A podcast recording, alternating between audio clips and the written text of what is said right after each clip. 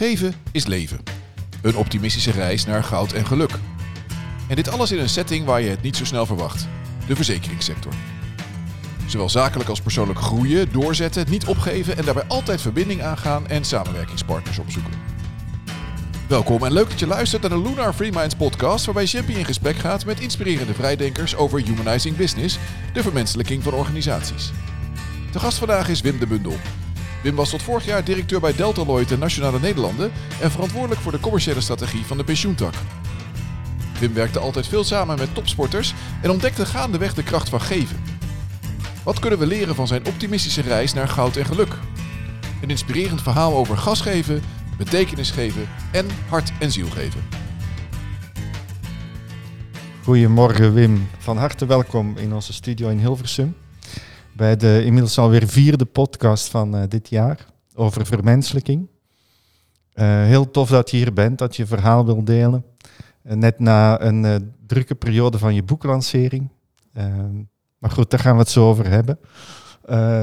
Wij denken dat na 250 jaar mechanisering in organisaties, dat er een periode is aangebroken van meer de mens centraal zetten. Daar gaat jouw verhaal ook over. Dus ik ben heel benieuwd om met jou jouw inzichten te bespreken. En uh, hopelijk daarmee veel andere mensen te inspireren.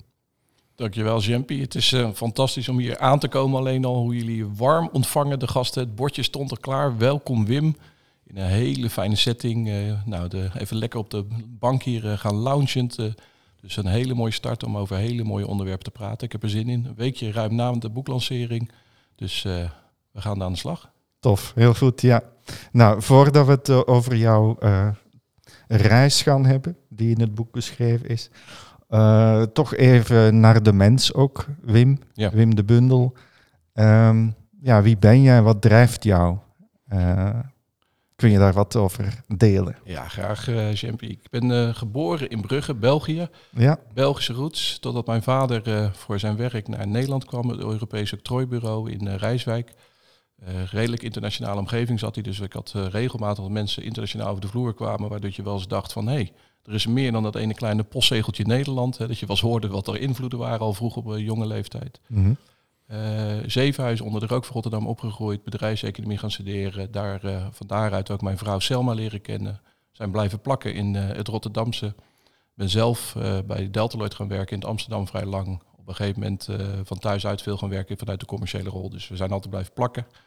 En uh, woon daar uh, al uh, heel lang vlak bij de Kralingse Plas. Elke dag even het hondje, een paar keer lopen, lekkere genieten. Mm -hmm. Ik had laatst iemand die zei van, ja, creatieve ideeën, die komen er zo weinig. Nou, ik heb er heel veel. Mm -hmm. Wat, gewoon lekker met het hondje wandelen langs die plas, dan komen de mooiste ideeën altijd ja. vanzelf naar boven. Mooi, mooi. Nou, het, om even de, ja, veel mensen hebben jouw boek nog niet gelezen, hè, maar ja. om even het spoor te pakken van geven is leven. Een heel krachtig motto. En, en laten we even, nou, we gaan er zo nog dieper op in, maar wat, waar staat dat voor, dat motto? Wat, wat, wat was jouw inzicht om, uh, ja, om hier toe te komen? Ja, ik was al langere tijd sluimerde. Het werd het een, uh, ja, eigenlijk een slogan. Hè. Ik kom uit de commerciële wereld, dus ik had eigenlijk een beetje als slogan: geven is leven. Ook een beetje met een knipoog, je zei het al, hè, de verzekeringswereld uh, kom ik uit. En ehm, ja, dat is natuurlijk niet de meest flitsende wereld. Dus het knipoogje is ook naar een levensverzekeraar, gevensleven, dat daar best wel degelijk leven in de brouwerij is. En eigenlijk in de loop der tijd, wat je in het boek ziet, dat ik me ontwikkel en zeg van hé, hey, dat geven wordt een steeds diepere betekenis. Mm. En het gaat met uh, goede doelen een klein beetje helpen, naar grote goede doelen helpen. En uh, op een gegeven moment geïnspireerd worden door mensen die uh, ja, in mijn ogen hele bijzondere dingen hebben gedaan. En verleden jaar kreeg ik eigenlijk door twee omstandigheden, mijn ontslag bij Nationale Nederlanden en uh, uh, corona, kwam er eigenlijk een uh, bijzondere periode dat ik dacht, ja, als je dit nog een keertje echt op een rij wil zetten, de tijd voor wil nemen, dan is dat nu. Ik heb heel veel met boeken gedaan, ook in mijn commerciële tijd. En ik ben gaan schrijven. ook een beetje op aangeven van, van een coach van, joh, ik had toch wel moeite met het ontslag. En dat begon eigenlijk een beetje als rouwverwerking, een keer de mooie dingen op een rij zetten. En eigenlijk hoe meer ik ging schrijven, was het eigenlijk de terugblik van de kracht van geven. Als er mooie dingen gebeurden zakelijk, had het met geven te maken. Als er privés wat gebeurde, mooie dingen, had het met uh, geven te maken. Mm. Dus uh, ja, langzaamaan ging ik ook steeds meer lezen. He, dus allerlei boeken over de uh, theorie, onderzoeken gedaan. Het is niet zelf onderzoek gedaan, maar de boeken die die onderzoek hebben gedaan.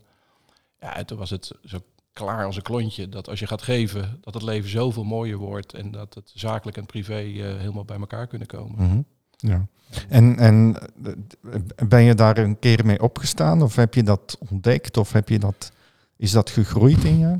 Ja, het, het, het is ergens. hè, Het, mijn hobby is storytelling. Eh, Dat eh, vind ik. eh, Er zit altijd, ik zit altijd te broeden op woordjes, op zinnetjes, op dingen. Op een gegeven moment had ik het wat te pakken. En eigenlijk de eerste keer dat ik ermee naar buiten kwam, was naar aanleiding van de Serious Request actie. Mhm. Eh, als je het boek gaat lezen, zo rond 2012, eh, is mijn vrouw in één keer heel ziek. Mhm. En ik had allemaal hele mooie dingen meegemaakt. Eh, en dan ga je een beetje over de betekenis eh, kijken wat er gebeurt. Nou, het goede nieuws voor de luisteraars. eh, ze leeft nog, we zijn nog gelukkig. We hebben Mhm. verleden jaar 25 jaar samen kunnen vieren. En vanuit die Serious Quest ben ik ja, belevenissen gaan toevoegen aan mijn leven. Dus ik gaf wat voor het goede doel. En daar kreeg ik een mooie belevenis van terug. En een van die kleine belevenissen heb ik op een gegeven moment in 2018, 19 had ik gekocht. Eh, je kon ergens bij Daroom, dat is een platform, een eh, tekst, eh, eh, ja, eigen tekst invullen. Mhm. En dat heb ik gekocht, dat item. En dat is toen iets geworden met Gevensleven. En dat was, toen hebben we inderdaad rondom Blue Monday heb ik met Dennis Gerritsen wat gedaan. Dat is de jongen die de platform heeft opgezet. En toen hebben we gezegd, nou, Blue Monday is natuurlijk de dag, de meest deprimerende dag van het jaar. En toen hebben we een tekst gebouwd daaromheen van, joh, wat er ook gebeurt op Blue Monday. Blijf geven om de eh, gevensleven, blijf geven om de mensen om je heen. En er was 12.000 likes, 15.000, echt een mooi aantal. Ik dacht, ja, weet je, dat was voor het eerst dat ik ermee naar buiten kwam als een soort meer dan voor mezelf een marketing slogan. Mhm. En, en dat is eigenlijk gaan groeien en gaan groeien en gaan groeien. En ja, toen het boek was, eh, ik had ook zoiets een commercieel boek, maar het gaat wel Gevens Leven heet. Het was gewoon voor mij gewoon non-bespreekbaar. Welke uitgever ik ook zou spreken, Ja. Leven zou de titel worden. Ja, ja. Als we even teruggaan naar eh, de, de beginperiode, eh, t- v- wat, wat je in je boek beschrijft. Hè. Ja. Ik vind het mooi, ik ben zelf uh, wielerliefhebber, dus de, de rode lantaarndrager eh, waren jullie. Ehm, en eh, nou, dat is, eh, sommige wielrenners maken er een sport van om als laatste te eindigen in de Tour de France. Ja. Maar eh, dat is geen mooie vertrekpositie. Wat, wat was voor jou de, de manier om daar uit weg te komen, uit die benarde situatie, als ik het zo mag zeggen? Ja, eigenlijk wat, wat, wat het belangrijkste was, is dat iedereen het inzag dat dat er was. Nou, dat was er wel. Het werd breed gevoeld. Hè. We, eh, in de organisatie, ik heb op een gegeven moment beschrijf ik ook in het boek, situatie dat ik met allemaal accountmanagers zit van sales.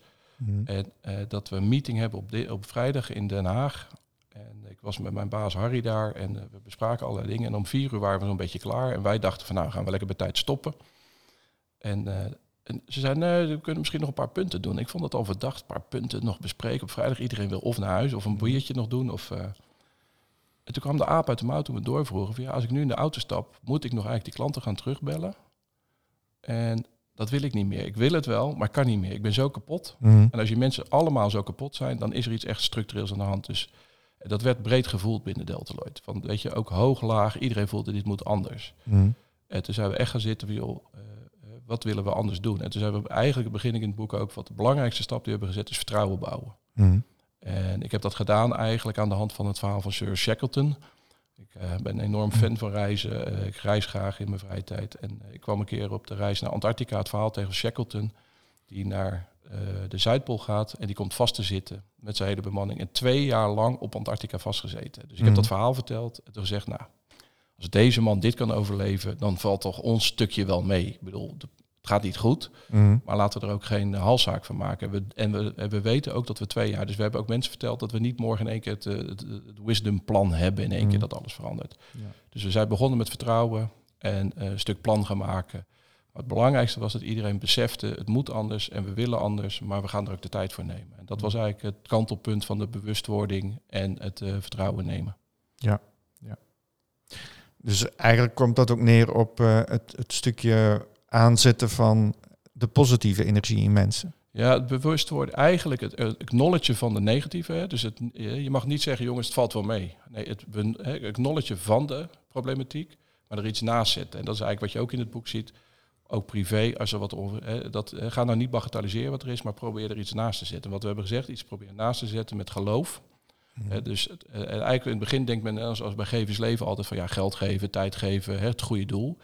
Maar het belangrijkste wat we kunnen geven is vertrouwen aan elkaar. Mhm. Het vertrouwen, Champy, wij gaan dit samen doen. Mhm. En daar zijn we, dat is eigenlijk de bron geweest van die eerste stap zetten van dat vertrouwen geven. Ja. En toen zijn we verder stappen gaan Ja. pakken.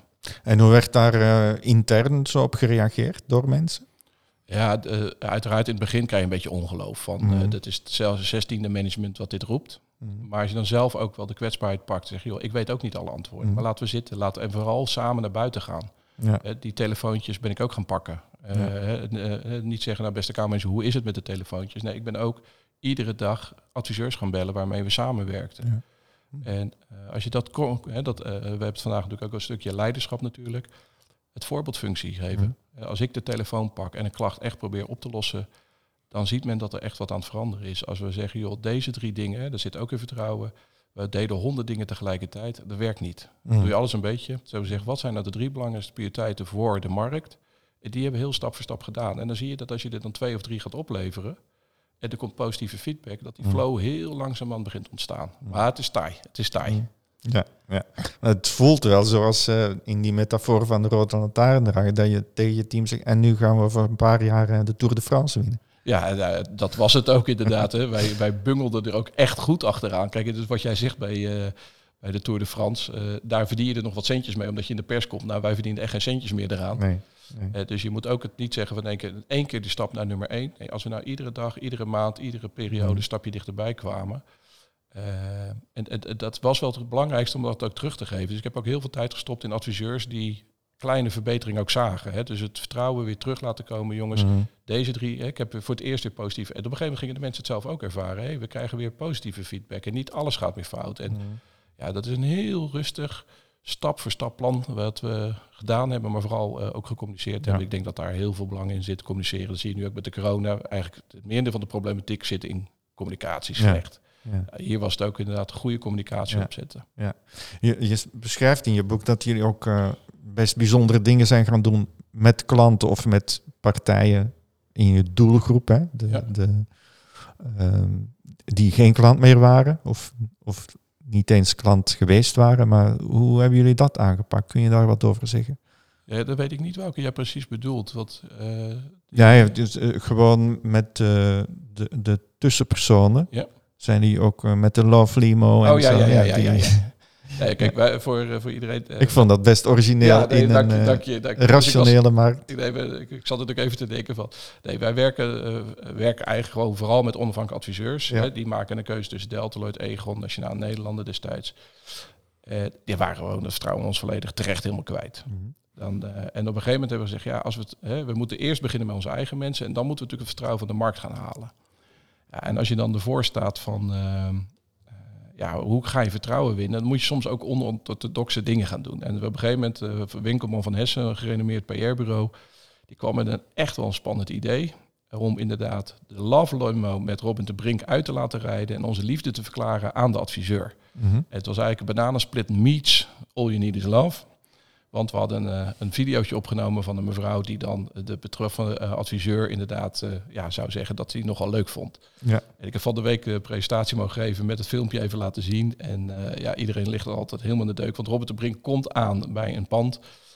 nou, en we hadden het pand ook zo gekozen dat het was een pand waarbij van, vanuit het kantoor zie je al de binnenplaats waar de Love Limo stond. Dus binnen no time stonden daar allemaal mensen te kijken. Wat gebeurt hier? Robert en Brink en een love letter van Robert en Brink.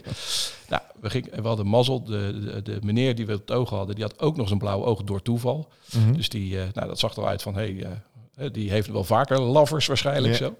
Nou, we hebben die meneer in de love limo gezet. Uh, we hadden hem ook wel geselecteerd met op, zou, zou die tegen het grapje kunnen? Hè? Want je moet wel stevig in je schoenen staan.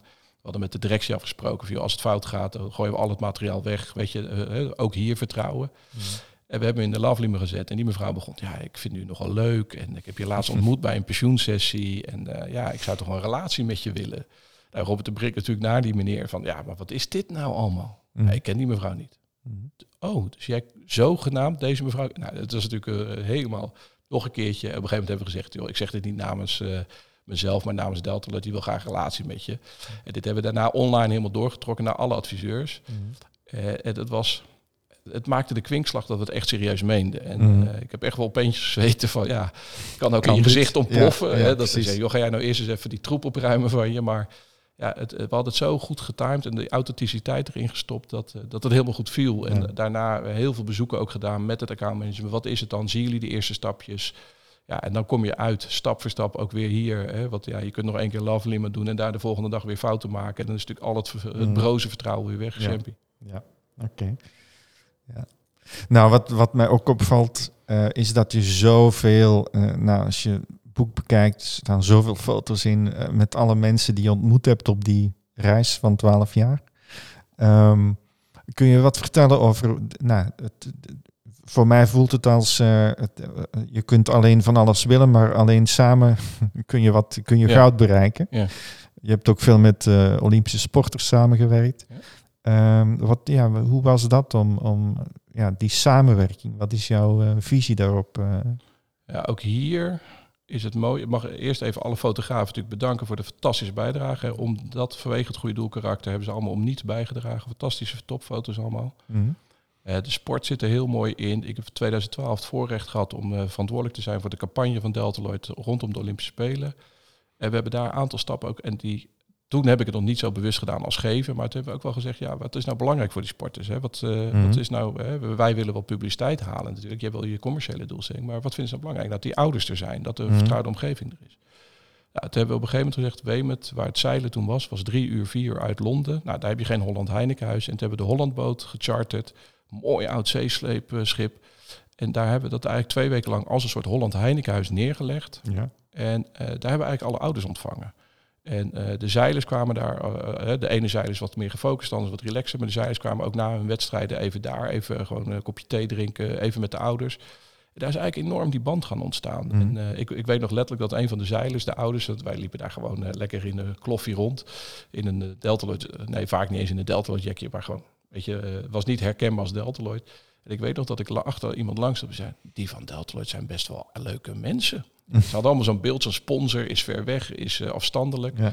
Ze zijn enorm die band gaan investeren. En, en, en eh, dat was eigenlijk de eerste stap in die samenwerking. En de, ik heb daar zoveel mooie lessen ook geleerd. Ook van tegenslag. Hè. Een Pieter Jan Posma die daar op de boot kwam, die lag op goud. Mhm. 200 meter voor de finish. Valt hij weg. Vierde, maakt een fout. Komt op de boot. Twee uur, drie uur nadat hè, je droom en, en uiteenspant. Ik ga het op die boot staan vertellen. Het was mijn fout. Ik wil jullie enorm bedanken voor de support. Mhm. Eh, het, het is fantastisch. Het is jammer. Ik, ga het, eh, weet je, ik baal een stekker. Maar ik had zelf die fouten niet moeten maken. Ik had me beter moeten trainen. En dan dacht ik, als je op dat moment zo zelf positief kritisch kunt zijn. Wauw, wat is er veel te leren. Dus wat gebeurde er? Die topsportmentaliteit sloeg een beetje ook over op Deltaloid mensen. Ja. En dan zie je dat je, als je dus ook die mentaliteit erin krijgt.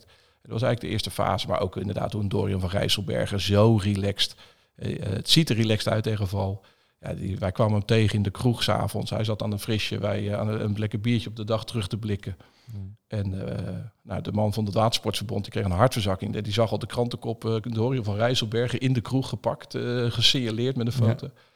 En wij vroegen hem, joh, merk je nou de volgende dag dat, dat wij er zijn op het water? Hij zei, tuurlijk merk ik dat. Als jullie toeteren, dan merk ik dat. En de volgende dag uh, kwam hij langs, stond hij te zwaaien tijdens de Olympische Spelen naar ons. en, weet je, en hij wint die wedstrijd. Ja. Dus het is die sportbeleving, Pieter Jan, uh, weet je, Dorian. Ja. En dat is eigenlijk, die symbiose is daar eigenlijk begonnen. In, en die heeft alleen maar de jaren daarna is die mooi geworden. Kun je nog wat meer zeggen over wat je hebt geleerd van die topsportmentaliteit? Want dat raakt ook aan, aan leiderschap, aan bevlogenheid, aan hoe, je, hoe je erin zit. Ja, ook, wie je ook ziet, hè, of ik nou Marit Bouwmeester ziet met, uh, met haar drive, haar fanatisme, of een Lopke Berghout, uh, iets meer vanuit de planning. Hè, dus uh, de regie voeren. Maar altijd, waar je ook spreekt, het begint altijd bij jezelf. Ik heb nog nooit een topsporter horen zeuren van, joh, de bond moet eerst maar eens dit, of die moet eerst daar eens dat. Wat is mijn plan? En als ik afhankelijk ben van iemand, ga ik dat organiseren. En als ik daar problemen mee heb, ga ik daar ook afscheid van nemen. Mm. We hebben later in mijn carrière heb ik ook veel met andere sporters gewerkt, met Esther Vergeer. Mm. Ja, die heeft op een gegeven moment haar coach ook bedankt, omdat ze op een andere manier wilde gaan samenwerken. En dat allemaal netjes, maar wel de keuze zelf gemaakt van, joh, ik moet iemand anders hebben. Ja, en dat zie je ook bij al die sporters. Dus het zelf starten, mm. uh, ik denk dat dat de kern bij hun is. En natuurlijk ga je dan planmatig werken.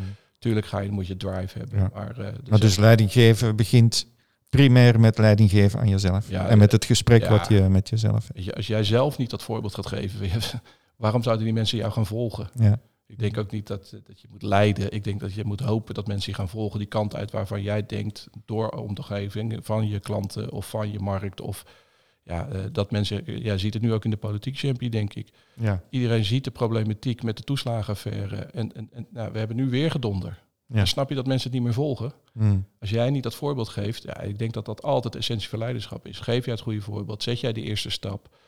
Doe je ook hè, congruent daarin. Hè? Dus als je eh, vandaag zegt, ja, all you need is love, best adviseur, en de volgende dag blaf je hem af. Ja. Ja, dat, dat Nee, is het ook niet. Dus die niet. congruentie ook. Ja. ja. Nou, de authenticiteit eh, proef ik daarin. Hè, maar in, in alles wat je zegt en doet, proef ik ook heel veel empathie. Ja, weet je, het begint altijd, wat is het voor die ander? Mm. Hè, En of je nou klanten of medewerkers hebt of eh, belangenpartijen om je heen. Wat is voor die persoon nou het standpunt? Tenzij je natuurlijk op standpunten komt. Eh, Mhm. Racisme, of dan moet je niet zo heel veel empathie hebben. Maar zolang je niet dat soort vervelende dingen tegenkomt, moet je vooral vanuit die ander kijken. En ja, ik, ik zeg het ook wel eens, probeer eens vanuit die ander achter hem te gaan staan en over de schouder mee te kijken naar onszelf. Mm. In het begin ook, toen we ze heel slecht ervoor stonden, begonnen we allemaal te bagatelliseren waarom de problematiek wel meeviel. Dus Mhm. dan gaan eens aan achter de persoon staan en kijken eens over de schouder mee naar wat voor dingen wij veroorzaken. Ga er eens naartoe. Mm. Eh, maar ook, eh, ja, en of dat nou in je business is of, eh, of in de politiek, wat betekent ja, die toeslagenaffaire ook. Ja, ga eens echt verplaatsen in die mensen wat er gebeurt en dan, dan, dan, dan ga je het echt voelen. Mm. En ik denk dat, dat change pas echt gebeurt als je het ook voelt. Mm. Je Ja. kunt nog zulke mooie woorden spreken, maar als het niet in je buik, het moet ook wel een beetje soms pijn doen voordat de change op gang komt. Ja, ja, ja, ja. Heb je ook in die tijd eh, moeilijke momenten gehad? Dat je dacht van, hoe gaat het wel lukken? Of eh, waar zijn we aan begonnen? Heb je even een moment, hoe Ja. lang hadden we voor die podcast? nee, wat ik, ik kan nog heel goed herinneren. eh, dat wij inderdaad, we hadden al die stappen gezet. En het jaar daarna kregen we het rapport. Hè, wij stonden achtste uit de acht. En toen deed in één keer Interpolis ook mee aan het rapport. Ik wist niet Mhm. eens, met alle respect voor Interpolis, toen op Ja. dat moment dat zij pensioenen deden. En eh, die hadden kleine pensioentak, dus die nou, hadden toch onder, we stonden in één keer negende. ja. Ja, dan sta je daar met je goede plan. En eh, ik had echt zoiets van, oké, wie gaat me nu nog geloven? En eh, dit- dit, voelt niet heel erg lekker. Dus ik heb inderdaad ook echt, gelukkig zijn we gaan zitten met het rapport. En toen zijn we gaan dieper graven. En toen bleek wel degelijk dat wij, waren wel negen, maar waren van absoluut waren we een paar tienden gestegen in waardering. En Mhm. we zagen hè, dus de onderliggende signalen wel degelijk goed. Mm. En dat heb ik ook het verhaal intern kunnen laten zien, jongens. Hè, We zijn de goede kant uit. Kijk niet sec naar eh, waar, hoe, dat we negende staan is niet best. Maar de afstand tot de relatieve, hè, tot de concurrent, waren we heel stapjes aan het dichtlopen. Dus dat, dat was voor mij ook wel een belangrijke les. Kijk wel goed door die cijfers heen. Mm. Eh, want anders eh, ja, eh, word je helemaal overspannen voordat je begonnen bent. Als je denkt, nou, we staan negende. Mm. Nou, het jaar daarna zijn we naar de zesde. En toen op een gegeven moment, toen eh 2011 stonden we tweede. Toen, nou, toen kreeg ik wel een beetje het vertrouwen van. het is, je hebt altijd wel het vertrouwen, maar Ja. dat je ook denkt van.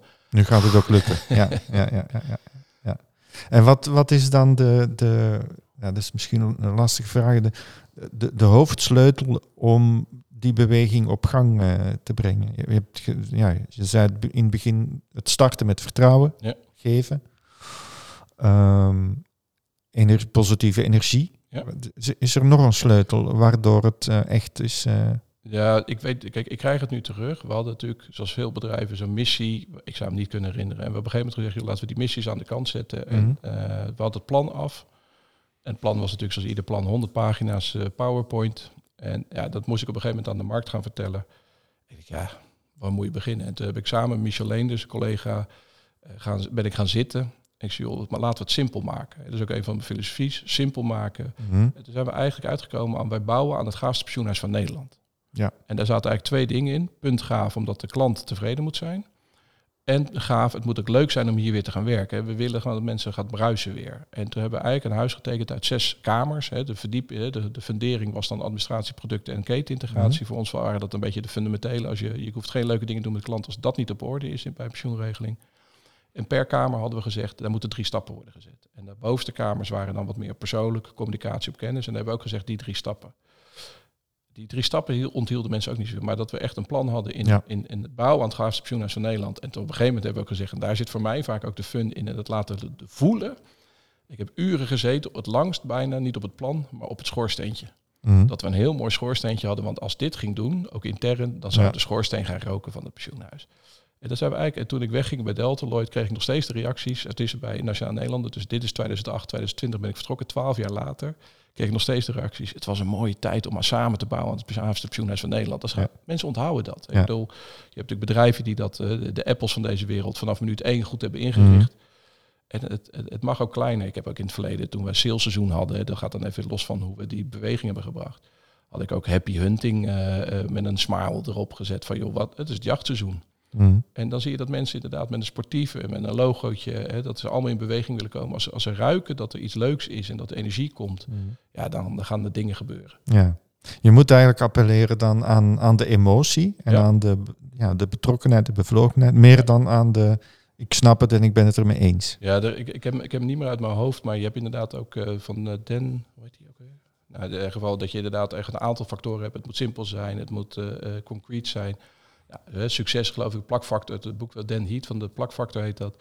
Ja, eh, daar staat ook de succesformule en die is dan ook helemaal uitgewerkt. En, eh, ja, mensen moeten er betrokken bij raken, Mhm. moeten er een smile in zien. Het moet het geloofwaardig zijn, het moet concreet zijn. Nou, en Mhm. dan gebeurt er wat. Als het emotioneel is en simpel, Ja. dan gebeuren er heel veel leuke dingen. Ja. En, eh, Wat mij zo opviel, ook in jouw verhaal, is dat je met veel emotie, hè, volgens mij ben je ook heel ja, gevoelsmatig betrokken bij wat je allemaal doet, met veel emotie, met veel eh, creativiteit, eh, matcht dat altijd met zo, want heel veel mensen zitten in een rationele, dit was ook in een B2B-omgeving, die, waarvan mensen altijd zeggen, eh, super rationeel en cognitief en eh, veel spreadsheets eh, bij je business case eh, gebruiken. Ja. Heb je dat als een, een, een probleem ervaren? Of ben je daar eh, juist doordat je zeer bevlogen bezig was, een aantal dingen kunnen doorbreken? Ik denk dat de basis altijd is, is het team waar ik om me heen had, dus de collega's waar ik samenwerkte, ook zelf die pijn voelden. En zagen dat de route die wij deden, dat het in één geval niet ging worden. En als dan iemand ook, hè, dat, dat, dat was natuurlijk niet Wim die dat deed, hè, dat was het geloof van dat team. Ja. Dus ik heb er iets naast kunnen zetten, iets creatiefs kunnen zetten. En we hebben gewoon een paar stappen gezet. En ik vind dat mooi, verderop in het boek, eh, ik heb ook mogen werken met Michiel Muller, die nu Picnic aan het opzetten is. Michiel zegt dat eigenlijk heel simpel weer, daarom spreekt het mij ongelooflijk aan. Hè, ondernemen is eigenlijk een ABC'tje. Mhm. Je staat op punt A, je wil naar punt B. Maar je, je moet er niet doodredeneren naar B. Want dan kom je nooit uit. En pas eigenlijk als je onderweg bent naar B, zie je dat er optie C voor ogen komt. Mhm. En dat is eigenlijk wat wij ook hebben gedaan. We zijn stappen gaan zetten. Niet wetende welke er allemaal precies goed zouden zijn. Maar als je dan ziet dat de drie van de vier bij wijze van spreken wel uitkomen. En dat dus de beweging, de waardering omhoog gaat. Dan kan je hoogstens zeggen, hé, hey, die ene was niet helemaal waardevol. We hebben er ook niks mee fout echt gedaan. Eh, en dan zie je dat geloof komen. En op een gegeven moment zie je, ga je onderweg naar B. En zo hebben we ook de watersport zijn we gaan inzetten. We zijn stappen gaan zetten. En later evalueerden waren er stukken, ik, ja, dat hadden we niet moeten doen. Maar omdat we wel de ervaring hadden gedaan, Mhm. Kom je inderdaad op die nieuwe optie C uit. En dat spreekt mij enorm aan het verhaal van Michiel ook. En zo hebben wij ook die watersport. wa- eh, eh, ja, we hebben dingen gedaan die zei, waarom zou je die boot gaan neerleggen voor die... eh, eh, dat kan je niet uitrekenen. Wat is de waarde dat de familieleden happy zijn over Deltaloid? Mhm. Mhm. En later in mijn carrière heb ik de waarde gezien, ook niet in letterlijk. In 2016 hebben wij Marit Bouwmeester, Olympisch kampioen toen, hebben wij ingezet voor grote pitches, hè, voor grote, als wij grote opdrachten mochten voor meedoen. Excuus Mhm. Dan eh, moet je bij de, bij de directie van een groot bedrijf vaak een, eh, een, een, een presentatie geven. En wat we hebben gedaan is op een gegeven moment op het eind eh Marit gevraagd een kort filmpje in te spreken. Ja, en dat deed ze met zoveel passie. Mhm. Een minuutje of zo, iets, twee minuutjes. En, erg, ik ben Marit Bouwmeester. ik, jullie, wat leuk dat jullie geïnteresseerd zijn in uh, Deltaloid. Ja, dat is natuurlijk hartstikke logisch, want ze zijn al vijf jaar het beste pensioenverzekeraar van Nederland. Dus ik, ik vind het heel logisch dat ze het doen. En zij was zo geloofwaardig in het Ja. verhaal. Ik heb, we hadden daarvoor, hè, we hadden een van de zwakkere punten op dat periode, was dat we het aantal gewonnen orders eh, was gewoon te laag. Toen hebben we inderdaad een aantal stappen gezet door trainen van je mensen, al allerlei hè, de, de sheets verbeteren. Maar dit, ja, die klant kreeg, eh, kreeg het geloof dat zo'n sporter zo voor ons ging eh, endorsement doen. We hebben Mhm. geloof ik van de zes hebben de vijf eh, toen in één klap gewonnen. Ja. Ja, was het Sec Marit of was het ook ons geloof of was het en je zag, ja, Marit zei later ook, maar jullie zijn ook niet meer mijn sponsor, jullie zijn mijn partner geworden. Ja. En als je dus gaat geven, Mhm. dan krijg je dit soort dingen terug. Maar dan kan je niet inderdaad, wat jij zei volgens mij bij de opening van je vraag, van, dan kan je niet in de spreadsheet stoppen. Nee. nee, en dat is ook niet afdwingbaar. Of dat, maar als je ja. wel, hè, en dat eh, wat ik zelf geleerd heb, is dat wel weer terug te laten geven ook aan de rekenmeesters. Kijk, Mhm. we hebben haar ingezet. En, eh, het kost, eh, Mhm. zit in het pakket wat we mochten doen met de watersport. Dus het kost eigenlijk niet eens zoveel meer. Het was wat opnametijd van een filmpje. En als je dan ziet dat je, dan gaan de rekenmeesters ook geloven. Mm. Dus je moet niet zeggen, ja, jullie eh, doen het fout met je rekenen, dus dat is niet goed. Want ja, dan, dan ga je uit elkaar. Ja. Maar als je ze Je moet het meeneemt, juist verbinden. als je ja. het verbindt en laat zien dat deze route eh, ook kan werken. En ja, als je dan een keer Michiel Muller voor je groep zegt, die zegt, ja jongens, ga nou eens gewoon beginnen. ja. Dan komt er ook een geloof in zo'n way of working, die Mm. ook wel degelijk hebben. Want natuurlijk deden we ook de spreadsheet champion. We waren Ja. niet gek. Nee. Maar er moet iets naast zitten, ook hier weer. Het eh, derde deel van je boek gaat over hart en ziel geven. Ja. Kun je daar nog wat meer over eh, vertellen? Wat, waar, waar gaat het over? eh? Ja, kijk, als je eigenlijk kijkt naar de eerste periode, was gas geven. Dat was eigenlijk business en die topsport leren kennen. Mm. tweede gaat eigenlijk betekenis. Hè. Dat zijn eigenlijk elke keer Olympische Spelencampagnes. En die betekenis, ik zei het er straks al, mijn vrouw was heel ziek. Dus je gaat ook Mm. kijken van dat goud versus geluk afwegen. Mm. En toen kwam steeds met het goede doel in, in, in de tweede episode als een belangrijke leidraad erbij. Hè. Dus het gaat nog steeds over business. Hoe bleven hè. Hoe, eerst hoe komen we aan de top, toen bleven we aan de top. In de derde periode gaat eigenlijk de periode dat we net zijn overgenomen door de eh, Nationale Nederlanden. Mhm. En hoe gaan we daarmee om? En eh er komt eigenlijk alles bij elkaar. De business, de topsport en het goede doel. Mhm. En wij zaten met, eh, we zitten met Nationaal Nederlanden eh, in het hardlopen. Alleen dat was alleen, het ja, was eigenlijk hè, de marathonlopen. En we deden niks met klanten. We deden wat met klanten, maar niet zo heel veel. En toen zijn we eigenlijk gezegd van joh, als we nou in die topsport zitten. Zo'n Jean Crummins had toen net eh, zilver gehaald op de, de 10 kilometer in Berlijn. Ja. Enorme uitstraling, onwijs doorzettingsvermogen, zware blessure en dan zo terugkomen. En toen hebben we gezegd, als we nou eens met klanten gaan hardlopen met een topatleet, eh, Olympisch atleten, voor het goede doel, de Linda Foundation. Mhm. Als je ziet in Nederland, eh, in gemiddeld 1 op 9 van de, van de gezinnen met kinderen leeft in armoede, in de grote steden 1 op 4. Ja, we waren al betrokken bij de Linda Foundation uit Nationaal Nederland. En we zeggen, joh, als we dat nou toch aan elkaar gaan verbinden weer. Mhm. Nou, het hebben eens van een paar honderd eh, klanten zijn met ons gaan lopen. Eh, Suzanne had allemaal workshops gedaan, online tips gegeven, voorop gegaan in de strijd. En toen kwam eigenlijk dat hele spel bij elkaar. Mhm. En dat heb ik eigenlijk steeds meer doorgetrokken. Dit, dit was wat groter iets. Waar bijvoorbeeld ook Johan van Eekhout, een eh, goede vriend inmiddels, ja, die deed in Rotterdam, relatiemarketing. Hij zegt, ja, je hebt altijd iets naar de voetbal, ook leuk. Maar kan ik niet iets doen met relatiemarketing met het goede doel combineren? Waardoor een groot deel van het geld eigenlijk weer naar, hè, dat, daar heeft hij de RIP Rally opgezet in Rotterdam. Ja, en toen zijn we ook steeds meer gaan nadenken, onze waarom zouden we zelf wat de hele dag organiseren? Mhm. Als je kunt inhaken op iets wat een goed doel is. En dat is elke keer continu de knop omdraaien van hoe kun je betekenisvol zijn. En, ja, en dan gaat eigenlijk die laatste fase hart en ziel geven. Ja, is gewoon all in. Hè. Mm. Weet je, het is bijna een beetje een soort van alles geven ook van, van jezelf. Om- ja. En, dan, en dan, het mooie is, als je dat doet, gebeuren er zoveel dingen die je niet meer in de hand hebt. En die heel veel positief zijn. Ja, ja. Heel mooi, Wim. Ehm, nou, ik, jij zet in je leiderschap ook genieten centraal. Ja. Heel belangrijk, denk ik. Ik denk dat dat vaak zoiets is voor veel mensen van, joh, dus, eh, eh, tof als het ook nog een, keer leuk is of zo. Maar voor jou is dat echt wel een van jouw drivers om, Ja. om dat te kunnen doen wat je wil doen. Wat was jouw grootste geluksmoment of genietmoment? Even vanuit. Ik, snap dat het lastig is. zijn, eh, zijn er zoveel. laat, laat ik, er gewoon, ik probeer altijd in het nu ook te leven. ja. En, en, en eentje die ik zo mooi vond afgelopen week. Ik had donderdag de lancering gehad. Mhm. En eh, nou, heel waardevol. Allemaal mensen die me geholpen hadden. Denkstudio, of Denkproducties, Central Studios, Sander de Kramer. Eh, nou, alles valt een beetje samen. En de volgende dag krijg ik één telefoontje overgeven. En daar krijg ik er kippenvel van. Iemand belde mij op en die zei van... joh Wim, ik heb zitten kijken. Ik heb al jarenlang heb ik een eh, platform gedaan. eh, de Baas. En ik wil, ik had al latent staan, steun de baas. Ik wil een platform gaan opzetten voor mensen met een beperking om te helpen leren ondernemen. Mhm. En niet alleen leren ondernemen, maar ook hun valkuilen, et cetera. Ik heb heel veel ervaring als ondernemer. Ja, ik heb besloten nu dat plan ga ik uitvoeren. Mhm. En eh, nou, ik ken hem. Eh, als die gas gaat geven, om maar even terug te gaan naar episode 1, dan gaan er echt mooie dingen gebeuren. En ik kreeg echt kippenvel dat iemand dus door, door de uitzending Mhm. ja, daar zit ik te genieten, de hele dag te stralen. Van ja, weet je, als je dit mag, kan betekenen dat iemand anders, eh, dat je het zaadje kunt planten. En dat is Mhm. eigenlijk wat je commercieel ook doet, of dat je met je mensen doet. Eigenlijk kun je het vuurtje gaan laten hoger branden met de energie die er toch al is. En dat is soms maar een sparkje, dat hoeft maar een klein vonkje te zijn. Ja, en dat is wat nu eigenlijk ook in mijn commerciële periode al gebeurde. Hè, dat je klanten inderdaad iets mooi kwam, ook privé iets ernaast zetten. Ik bedoel, eh, ik heb het in de uitzending bij de boeklancering ook gezegd. Eh, mijn moeder was in eh 16 heel ziek. Dan, ze had nog een half jaar. drie kwart jaar. En ik heb toen bij Serious Request een, eh, een eigen nummer ge- gekocht van Bram Westdorp. En die heeft een heel mooi lied gemaakt.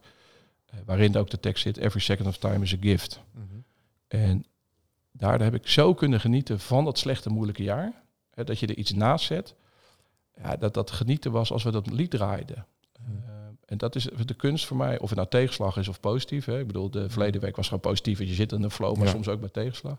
En continu even stilstaan bij de mooie momentjes. Daarom vond ik vanochtend ook mooi dat we hier, als ik aankwam, hè, dat je even gaat, even met elkaar, even rust nemen. Joh. Niet, oh ja, we moeten een podcast in. Even genieten van dit moment, van het zonnetje. Dus, eh, en ik heb ook heel veel mooie leermeesters daarin gehad. hè. Ik bedoel, zullen ze het nog even op Bibian Mentel komen. Maar als je ziet onder welke omstandigheden die tot het laatste moment heeft staan geven en genieten. Ja. Ja, dan ben ik ook bevoorrecht mens dat ik dat soort mensen inspiratiebronnen om me heen heb gehad. Dat ik dacht, ja, eh, weet je, eh, of het nou eh, de, de rode lantaarndrager waren, er is altijd iets ergens, Ja. ergens. Ja. En zelfs dan kun je nog genieten van het leven. Ik moet denken aan het woord levenslust. Ja. Ja. dat is een heel mooi woord inderdaad. Dat geeft ook heel veel energie. Het klinkt, weet je, dat woord, ja. Hm. Ik weet niet waar ik het eerder gehoord heb, maar ik vind het wel een mooi woord inderdaad. Ja, mooi. Wim, we, kunnen nog uren doorgaan. Ja, de, de boeken, Eh, de boeken drie dagen van de minimaal doen. Ja. Eh, ik heb nog een eh, setje vragen die ik aan al mijn gasten stel. Ja. En eh, daar heb je ook als het goed is even over kunnen nadenken. De eerste gaat over, ja, wat vind jij het allerbelangrijkste voor de persoonlijke ontwikkeling van leiders? Waar zouden leiders meer aandacht voor moeten hebben? Ik denk dat het één zin is die uit drie blokjes bestaat. Mhm. Ik denk dat je dingen moet kunnen en willen zien. Daar een waardevolle eh, verandering in willen inbrengen. En eh, tot slot, ook als het moeilijk is. Mhm. Wat betekent dat voor mij? Eh, zie je ook dingen. Ik vind een heel mooi voorbeeld op dit moment op leiderschap op politiek niveau. Mhm. Iedereen kan, iedereen, niemand snapt dat er geen vliegtekst is, dat een, een retourtje Barcelona 30 euro is. Hoe kan dat? We hebben een groot CT-probleem en dat wordt niet opgelost. Dus we willen het eigenlijk niet zien. Dus ik vind het leiderschap op het kunnen en willen zien er niet aanwezig. Mhm. Tweede gedeelte is, wil je een waardevolle bijdrage? Als je Trump vraagt, zal hij zeggen, ik heb een waardevolle bijdrage geleverd. Nou, Mhm. ik denk niet dat we dat allemaal hetzelfde zien. Dus wat is nou die waardevolle bijdrage dat je echt tot stand brengt? Mhm. Ik denk, ik denk dat we allemaal zullen beamen dat een van de toppers daarin natuurlijk Mandela is geweest. Mhm. Die gezegd heeft, joh, een waardevolle bijdrage aan iets tot stand brengen. Want je kunt heel veel waardevol roepen, Mhm. maar breng je het ook tot stand. Ik denk leiderschap moet zich ook vertalen in tot stand brengen. Mhm. En tot slot inderdaad, de tegenslag inderdaad. Hè. Kun je ook, als het even tegen zit, kun je dan toch blijven gaan als iedereen een beetje tegen je is, of toch inderdaad sceptisch minimaal is, kun je dan die doorzetten. En eh, eh, in het boek komt ook eh, Obama voor. Ik heb met eh, dank aan eh, Hans Jans van Denkproducties heb ik eh, het hele interview van Betichelaar met Barack Obama Mhm. eh, zit achter de QR-code op mijn website. En ik vind één mooie anekdote van continu in verbinding wat er speelt, waar je die change op moet doen. En Obama las elke avond, die kreeg natuurlijk tienduizenden brieven per dag. En Mhm. die elke avond las die, eh, werd er een selectie gemaakt van tien hele verschillende problemen in het land. En die ging die voordat hij naar bed ging, las hij die. Zodat hij in contact bleef. Waar kan ik het zien? Wil ik het zien? En je kunt op een gegeven moment verstoppen. Mhm. Wil ik eh, change tot stand brengen en ook als het tegen zit. En ik vind heel mooi de laatste fase van Obama. Als je ziet wat hij nog een problemen van eh, eh, de grotere dingen. Dus dit waren natuurlijk vaak de brief van de burgers die Ja. gewoon kleine problemen hadden, die wel relevant zijn. Maar als je ook ziet hoe hij in Cuba heeft aangepakt, wat natuurlijk heel erg lastig voor hem was. Mhm. En dat hij daar de change heeft tot stand gebracht dat weer genormaliseerd werd. Het ging natuurlijk nergens meer over. Nou, Nee. willen kunnen zien, waardevol tot stand brengen, ondanks moeilijke tijden. Dat vind ik echt zelf heel belangrijk. Mooi, mooi. En wat zouden leiders eh, meer of vaker moeten doen als Ja, het als gaat je- om gedrag? Dat was de makkelijkste natuurlijk. Ja, geven, geven, geven, eh, Jean-Pierre, Van, Ja. eh, ik gun het ook iedereen. Want ik heb ook mogen ervaren. En ik hoop ook dat dat het inspireert van het boek. Dat je eigenlijk ziet als je gaat geven, dat je het eigen heel rijke leven krijgt. Ook commercieel. Hè? Mhm. Dus het wordt vaak zo gezien als ja, jij geeft alles weg. Eh, Ja. Nee, ik, eh, misschien krijg ik wel meer dan de rest. Alleen ik ben niet de hele dag aan het tellen. Als ik jou nu vandaag dit geef, heb ik dan morgen wat terug. Het moet echt gewoon genuine zijn. Ja. En wat zou, wat zou mensen daarin kunnen tegenhouden? Of wat zou een belemmering kunnen zijn? Eh, de overtuiging dat je wat verliest. Mhm. je verliest niks, je krijgt wat. Hè. Dus daar zie ik heel vaak mensen zeggen, ja, maar ik heb geen tijd. Ja, maar het hoeft helemaal niet per se tijd te zijn. Hè. Mm. Of, eh, dus ik zie heel veel de belemmering eh, om, om, geloven dat het, eh, Mm. dat het wat oplevert. Hè. Dus, Mm. ja, wat, eh, dus zoals met die boot ook, wat ik straks zei. Van, ja, maar dat kost dus x duizend euro. Daar krijgen we nooit wat voor terug. Mhm. Ja, als je gewoon gelooft eh, en een beetje wat meer filosofisch in karma-punten, dan, dan, kan ik je vertellen, het komt terug. Dus als, weet je, dit is ook een soort business. Hè. Ik, ik heb er de business mee kunnen changen. Ja. ik heb ook, we zijn met Deltalet van 500 miljoen naar een miljard omzet gegaan. Ja. We zijn wel overgenomen uiteindelijk, eh, eh, daarmee sterk, eh, weer sterker uit de strijd gekomen als dan we zelfstandig. Een heel ander verhaal nog, maar Mm. ik heb ook kunnen aantonen als je dat doet, dat je ook commercieel succesvol is. Precies, ik kan je vertellen, ik hoop dat dat in ieder geval door de luisteraars wordt ervaren, dat je Mhm. er ook heel erg van geniet. Ja, ja, ja. ja. En wat, wat zouden we mee moeten stoppen als leiders? Wat, wat zouden we moeten afleren of laten? Ja, eh, ik, ik denk dat dat zit aan de tegenstand van het nemen. Van beginnen bij jezelf. Eh, ik vind zelf ook, eh, het is een detail, dus niet het grootste op leiderschap, maar door het rietje kijken noem ik dat. Mm. Ik zie vaak in bedrijven van T is 0, T is 1. Waar, waar moeten we over een jaar staan? En dan krijgen we de spreadsheets op van 0 naar 1. Mm. Vertel het grotere verhaal. Dus stop met inderdaad naar je één jaar plan kijken. kijken. Daarom vind ik de Olympische Spelen volgen eigenlijk heel mooi. Dat is Ja, een hè? vierjarenplan. Ja. En kan je veel meer kijken, waar willen we, wat is, die volgende, wat is het volgende stationnetje? En dan ga je Ja. inderdaad zorgen dat je op dat, op dat pad van vier jaar komt. Ja. In de plaats van of het dit jaar is. Ik heb echt letterlijk meegemaakt dat mensen, ja, we moeten. eh, Er was, er, eh, er waren twee business lines. Ze moesten allebei, de ratio's moesten met dezelfde percentage omhoog. Met de ene eh, business line hypothekenmarkt was net ingeklapt. Mm. We moesten daar naar 30% omhoog. We hadden net een topjaar gehad. We moesten nog steeds 30% omhoog. Ja, jongens, ja. kijk eens even iets verder dan je neus eh, lang is. Ja, ja. Hey Wim, en als laatste, welk eh, boek of film zou je mensen willen aanbevelen? Ja, als het eh, zo vrij mag zijn, twee dingen. Film, Rising Phoenix. Ik heb ongelooflijk eh, veel eh, tijd mogen doorbrengen met Paralympische sport. Ja? 2012 voor het eerst geweest met zeilen. Daarna heel veel gewerkt met Paralympische sporters, met Esther Vergeer, maar nu ook in de laatste periode met Fleur Jong. Paralympisch atleten die eh, inmiddels het wereldrecord op de 100 meter heeft en eh het wereldrecord op het verspringen. En Rising Phoenix is op Netflix te vinden en dat gaat eigenlijk over de hele ontwikkeling van de Paralympische sport. Mhm. Dus er zit ook het verhaal in van de problematiek van de Paralympische sport. Wordt vaak wat ondergewaardeerd, zit wat eh, nou, binnen de organisatie. Maar ook, en daarom is die zo krachtig, een aantal Paralympische sporters op wereldniveau. Die mensen de problematiek en, eh, en, en als je dan ziet wat die overwinnen en dat ze dan met die sport, eh, een mevrouw die schermen, en die, die heeft ergens door meganitis, een eh, bacterieziekte, Mhm. benen en armen verloren. En die wordt dan Olympisch kampioen. En weet je, je kunt Oh. niet eens beginnen met wat voor verhalen het zijn. En dan, dan denk ik altijd, nou, Mhm. valt alles één wel mee. Maar de inspiratie die ik daar haal, dus Rising Phoenix, ga hem kijken. Cool. En op boek. Ja, ik heb... eh, aan de ene kant ben ik ambassadeur van de Mentality Foundation. Het boek eh, gaat daar ook een stukje van de opbrengst gaat daarheen. Mhm. Maar aan de andere kant, eh, Sander de Kramer zijn boek eh, Chief Oude Dibbes. En als je het hebt over vrijheidsdenkers, eh, eh, Sander is eh, recent eh, benoemd eh, voor Freedom Award gekregen. Tien jaar geleden naar Sierra Leone vertrokken, komt daar een probleem tegen. Kinderen in de slavernij of in de, in de mijnhandel. En heeft daarvan in zijn eentje dat veranderd. Eh, dus je moet het kunnen willen zien. Mhm. Je gaat het echt waardevol tot stand brengen, ondanks moeilijke omstandigheden. Nou, Sander, dat, hoe dat verhaal tot stand is gekomen, kun je lezen in Chief Oude Dibbes. Eh, inmiddels gaat hij nu ook in Congo kijken of hij dat ook kan doen. Daar zitten de kinderen weer voor de kobalt Mhm. eh, eh, uit de mijnen te halen. Krankzinnig, omdat wij zo nodig elektrische auto's en, en, en mobile telefoons moeten hebben. Mhm. Nou, hij wil weer dat gaan doen. En, en, en nou, als je het hebt over vrijheidsdenkers en, en andere mensen, dan, dan ja, zou ik zeggen, we nodigen hem ook gerust eens hier uit. Want, dat, als je het hebt over lang kunnen leuk praten over zaken, dan, dan, dan heb je een toppertje. Cool. Ja. Yes. Wim, mag ik jou van harte danken. Ik vond het heel eh, tof dat je hier was. Ja. Mooi gesprek. Mag ik nog eh, één ding toevoegen? Jeff? Nou, zeker. Ja. Ja, je begon al zo mooi met het boek Geef leven. Ik zei het net al even kort. Op de voorcover staat een van mijn grote idolen, eh Bibian Mentel. Ja. Helaas 29 maart overleden. Ik zou die dag het eerste exemplaar gaan overhandigen. Ik kreeg het berichtje van Edwin, dat haar man, dat het echt niet Mhm. eh, meer ging lukken. Pijn in mijn hart, maar ik heb zoveel gelukkig mooie andere herinneringen met Bibian... dat, ja, dat deze dan eigenlijk niet zoveel meer uitmaakt. Het was Mhm. mooi geweest. Ja. Eh, en van elk boek dat via de site Geefsleven wordt besteld.nl gaat 5 euro naar het goede doel. We hebben Ja. verleden week kunnen aankondigen dat er al 25 inmiddels lopen naar de 3000 boeken. Eh, alleen ik kan het alleen maar doen als ik het rechtstreeks verkoop. Dus ik moet een beetje promo altijd maken voor Ja. dit verhaal. Zodat Nee, mensen naar de site gaan Ja. en, eh, en ons steunen. En ook een beetje de, ja, de droom. Bibian was eh, een paar weken voor overlijden nog bij Umberto. En een van haar dromen is de foundation voor te laten bestaan. Nou, ik Mhm. denk met het boek, het verhaal, hè, zij komt er redelijk eh, nou, een paar keer heel mooi in voor. Met al haar wijze lessen. Daar zouden we alleen twee podcasts van kunnen maken, alle lessen van Biep. Mhm.